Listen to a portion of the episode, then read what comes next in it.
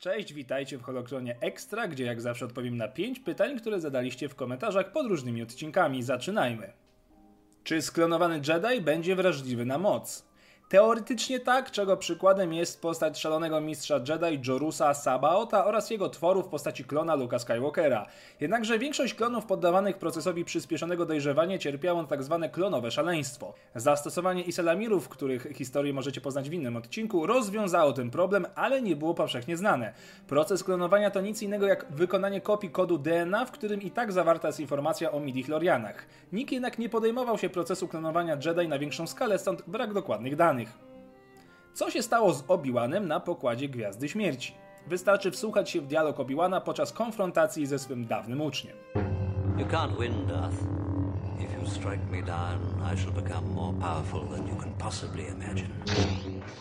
Obi-Wan dzięki naukom Qui-Gona poznał tajniki mocy, jak zachować świadomość po śmierci i stać się swojego rodzaju duchem. Dzięki temu mógł kontynuować walkę pomagając Luke'owi oraz innym, nie będąc samemu narażonym na atak. Mimo, że utracił swoją cielesną powłokę, mógł kontynuować naukę Skywalkera i służyć mu radą. Stał się w ten sposób nieśmiertelny do pewnego czasu oczywiście, bo w końcu zdecydował się połączyć z mocą ostatecznie. Ile midi-chlorianów można maksymalnie posiadać? Nie ma górnej granicy posiadania midichlorianów. Najwyższą odnotowaną wartość posiadał Anakin, który miał na liczniku ponad 20 tysięcy jednostek. Inne źródła podają dokładną liczbę, czyli 27 tysięcy. Niewiele mniej miał Palpatine, posiadający ponad 20 tysięcy, z tym, że posilał się kryształem Kyber. Mistrz Yoda posiadał 17 700 jednostek. Czy rycerze Jedi żyli w celibacie? Zależy od okresu. W czasach wojny z Imperium Sithów celibat nie obowiązywał.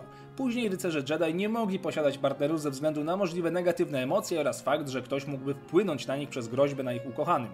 Ponownie zmieniło się to za czasów nowego zakonu Jedi odrodzonego przez Luka Skywalkera, który wziął ślub z Marą Jade i powszechnie zaakceptował związki wśród rycerzy. Przywrócono również do łask możliwość szkolenia się w dowolnym wieku.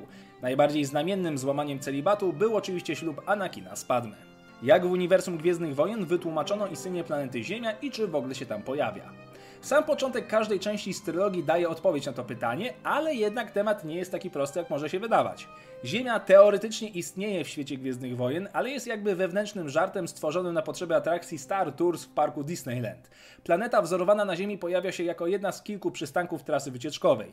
W niektórych wersjach nosi nazwę Urta, gdzie pierwszy raz pojawiła się w książce Potwory i Obcy od George'a Lucasa. I tutaj ciekawostka. Istnieje komiks, w którym Sokół Millennium rozbija się na planecie podobnej do Ziemi. Hanna Solo i Łukiego atakuje plemię prymitywnych ludzkich tubylców, którzy zabijają kosmicznego szmuglera. Ponad 100 lat później na wrak statku natyka się Indiana Jones. Aha, i Łuki przeżył i został mianowany Sasquatchem zwanym Wielką Stopą. Dzięki za pytania. Jeżeli macie kolejne, nawet te dziwne czy absurdalne, piszcie w komentarzach, a postaram się odpowiedzieć. Do usłyszenia i niech moc będzie z Wami.